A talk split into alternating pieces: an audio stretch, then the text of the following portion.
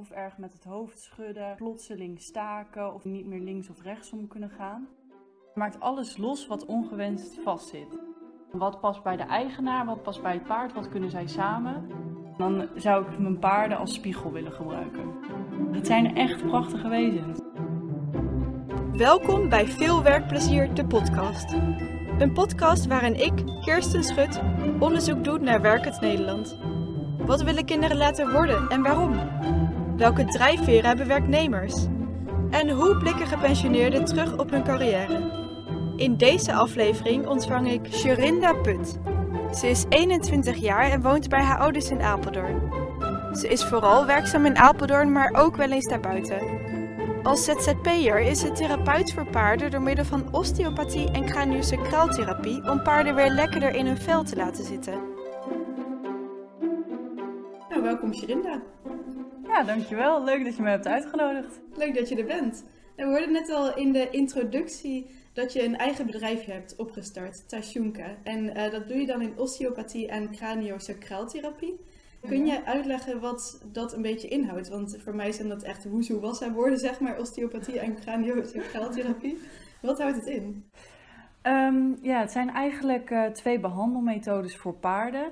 En uh, het is niet te vergelijken met het regulieren, maar het gaat echt richting alternatief. Wat een osteopaat eigenlijk doet, is hij maakt alles los wat ongewenst vastzit. Dus je hoeft niet alleen te denken aan spieren, of een chiropractor die alleen met het skelet zeg maar, bezig is, de botjes. Maar een osteopaat neemt eigenlijk alle weefsels mee. En um, die probeert hij op zachte en manuele wijze los te maken. En craniosacraaltherapie is een onderdeel van de osteopathie, -hmm. waarin je werkt op het craniosacraal ritme. Dat is een vloeistof die door het lichaam heen loopt, die je leert te voelen en uh, ja, licht probeert te beïnvloeden om zo het lichaam weer zijn zelfherstellend vermogen terug te geven. Als osteopathie op het holistische ingaat, zeg maar, dan hoort craniosacraaltherapie er altijd bij. Het bestaat niet los van elkaar, zeg maar. Craniosacraaltherapie hoort sowieso bij osteopathie, maar osteopathie niet per se bij craniosacraaltherapie. Ja. Al staat het wel een klein beetje met elkaar in verbinding, maar zo kun je het eigenlijk het beste zien. Oké, okay. zo heet je opleiding ook, toch? Die je nu dan volgt. Ja, het zijn wel twee aparte opleidingen. Oh, oké, okay, dus je doet ze naast elkaar. Ja. En uh, dan heb je ook een bedrijfje opgericht. Sinds wanneer? Um, dat heb ik nu één maand geleden gestart samen met een vriendin. Kun je uitleggen wat je met dat bedrijfje doet? Is dat ook helemaal gericht op osteopathie, craniosacraaltherapie? Of hoe ziet dat eruit?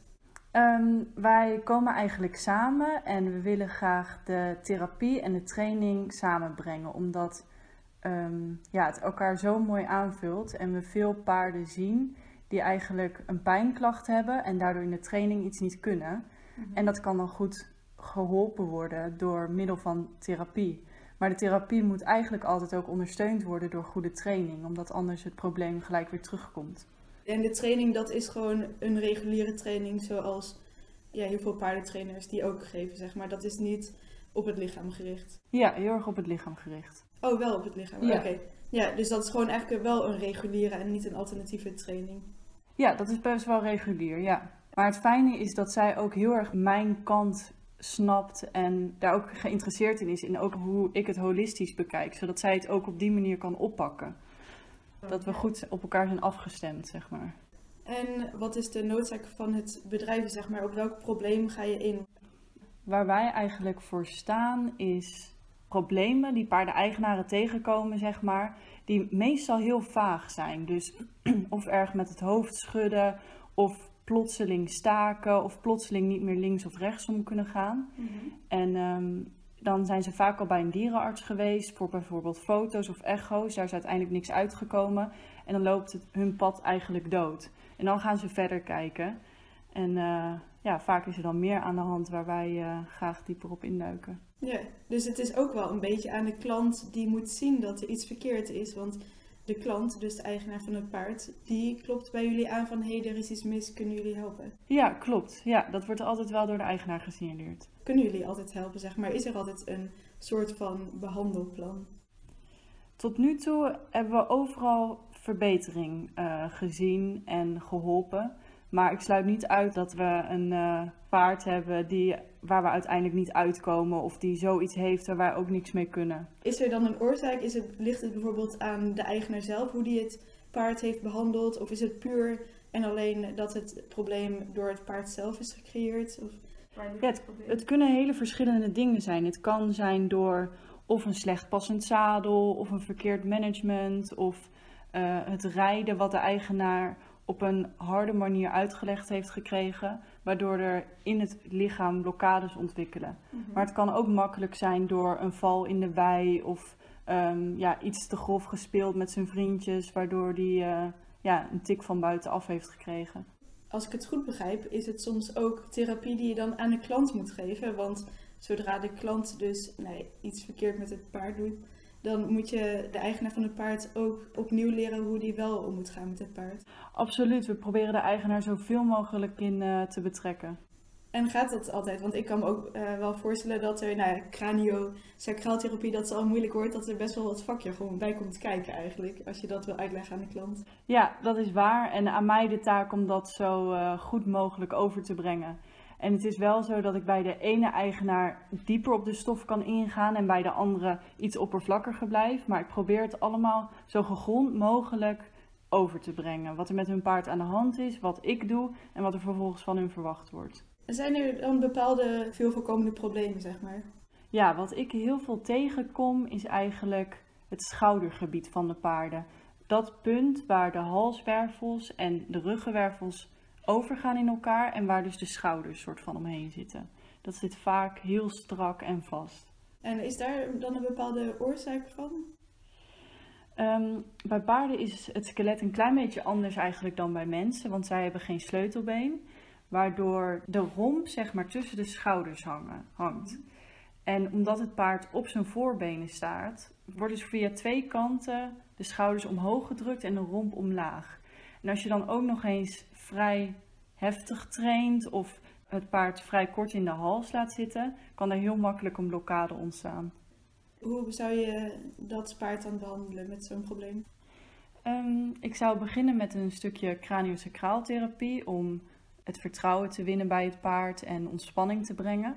Want dat is wel echt nodig voordat je een behandeling start. En dan zou ik de behandeling zo ver mogelijk eigenlijk vanaf het probleem starten, zodat het voor het paard te volgen is en de bewegingen makkelijk te maken zijn, zodat hij goed met mij meedoet. En dan zou ik steeds verder naar het punt toe gaan waar de kern van de blokkade zit. En uh, daar zou ik dan ruimte gaan creëren. Dat klinkt eigenlijk helemaal niet zo zweverig als wat ik dacht, zeg maar. Het is best wel gewoon recht door zee en uh, ja. Ja, ja nee, dat is, dat is het ook. Jij bent dan degene die het paard behandelt. Is de relatie tussen jou en het paard ook belangrijk? Reageert het paard ook op jou, zeg maar? Ja, de relatie tussen mij en het paard is heel belangrijk. Omdat we, ja, we gaan toch eigenlijk in zijn lichaam aan het werk. En daarvoor is heel veel ontspanning nodig. Hoe meer het paard zich kan ontspannen, hoe dieper ik de behandeling kan geven. Mm -hmm. Dus op het moment dat ik de auto uitstap, doe ik een korte bodyscan bij mezelf van hoe ik me voel zodat ik met een goed humeur, een goede moed naar het paard toe kan gaan. En dat ik op die manier in vertrouwen ja, hem kan helpen. Betekent dat dat jij soms zelf ook therapie nodig hebt? Want zodra jij in een wat mindere levensfase bent, ja. mindere gemoedstand hebt inderdaad, nou ja, dan zul jij ook wel eens therapie moeten ontvangen, want anders ben jij gewoon niet in staat om een paard te behandelen. Absoluut. Ik beoefen, heel, ik, ja, ik beoefen regelmatig om... Uh, voor mezelf technieken te ontwikkelen waardoor ik me wel goed kan voelen of waardoor ik het even achter me kan laten als er bijvoorbeeld iets heftigs is gebeurd die dag. Mm -hmm. Maar um, ja, het allerbelangrijkste is om eerlijk naar jezelf en naar het paard te blijven.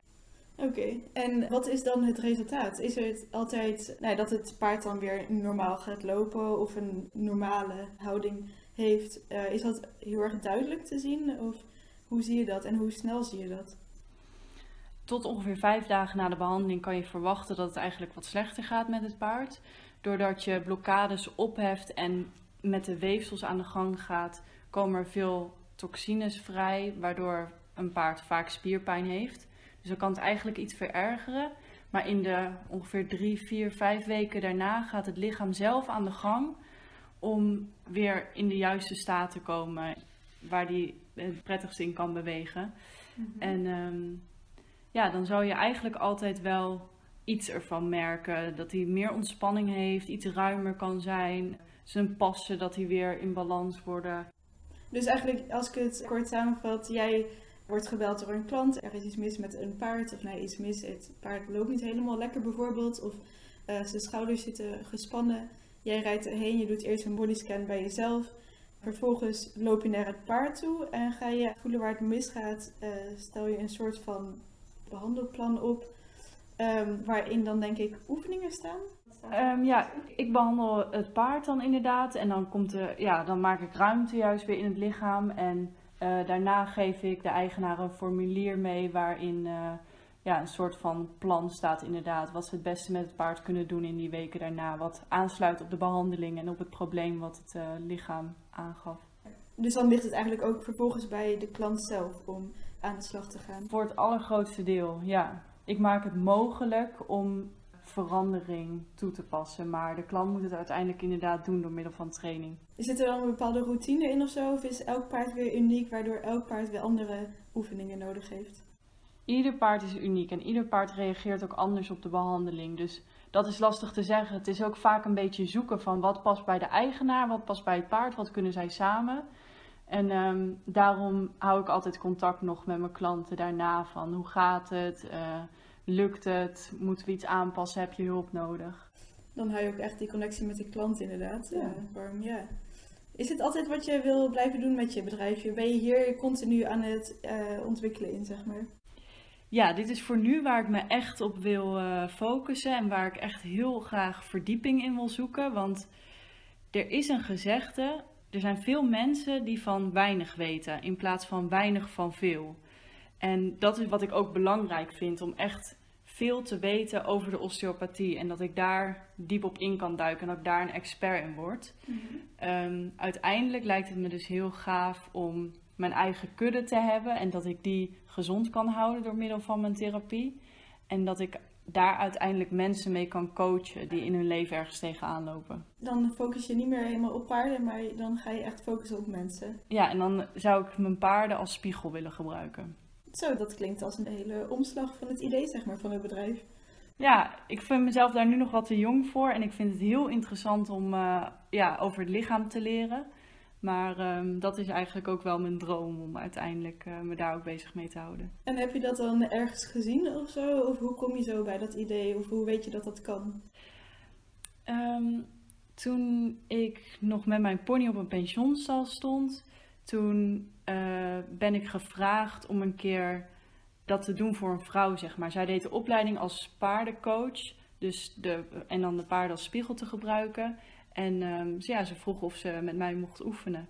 Dat heb ik toen gedaan. Ik heb dat als zo waardevol ervaren. Ik heb daar zoveel uitgehaald. Mm -hmm. Dat ik dat uh, aan heel veel mensen gun. Want je zegt als een soort van spiegel. Maar hoe gaat het dan precies? Een paard staat tegenover je en spiegelt jou? Of hoe moet ik dat voor me zien? Eigenlijk zijn paarden zo authentiek en zo puur. Dat wanneer jij je verdrietig of boos voelt, dat dat paard dat gelijk oppikt. Ondanks dat jij toch een lach op je gezicht hebt of doet alsof er niks aan de hand is. Dat paard pikt dat wel op en dat maakt het voor de therapeut mogelijk om gelijk passende vragen te stellen om richting de kern te komen.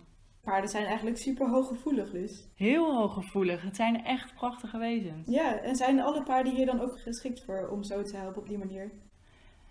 Daar heb ik niet de ervaring voor, maar ik denk dat als een paard gezond en vitaal is, dat elk paard dat kan. Ja.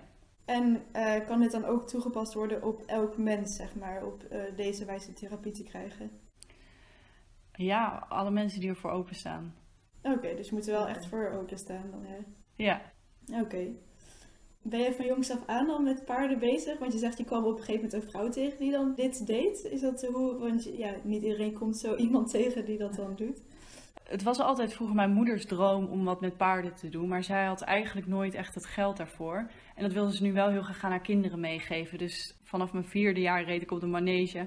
En uh, voor mijn zesde verjaardag kreeg ik een eigen pony. Dus eigenlijk wel mijn hele leven helemaal in de paarden geweest. Ja. Dan kan je ook echt wel zeggen dat je van je hobby een werk hebt gemaakt. Ja, absoluut. Ja, absoluut. Ja. Voordat we de aflevering afsluiten, wil je nog iets kwijt of wil je nog iets zeggen tegen de luisteraar? Nou, ik zou heel graag eh, mee willen geven aan degenen die nu struggelen met wat ze willen gaan doen, hoe ze hun geld willen gaan verdienen. Ehm, ja, iets wat mij heel erg heeft geholpen. Voel je geroepen om een expert te worden in wat je het allerleukst vindt om te doen. Dankjewel voor deze mooie woorden, Schrinde. Ja, nou heel graag gedaan. Dankjewel. Dat was Sherinda Put over haar werk als therapeut voor paarden door middel van osteopathie en craniosacraaltherapie. Volgende week weer een nieuwe aflevering met Ingrid ten Napel over haar werk als proces- en informatiemanager. Vergeet ondertussen niet te abonneren op deze podcast en volg mijn Instagram-account podcast.veelwerkplezier. En denk je nou, ik wil mijn werkplezier ook delen via deze podcast? Stuur dan een e-mail naar podcast.veelwerkplezier.gmail.com. Leuk dat je luisterde en voor deze week veel werkplezier!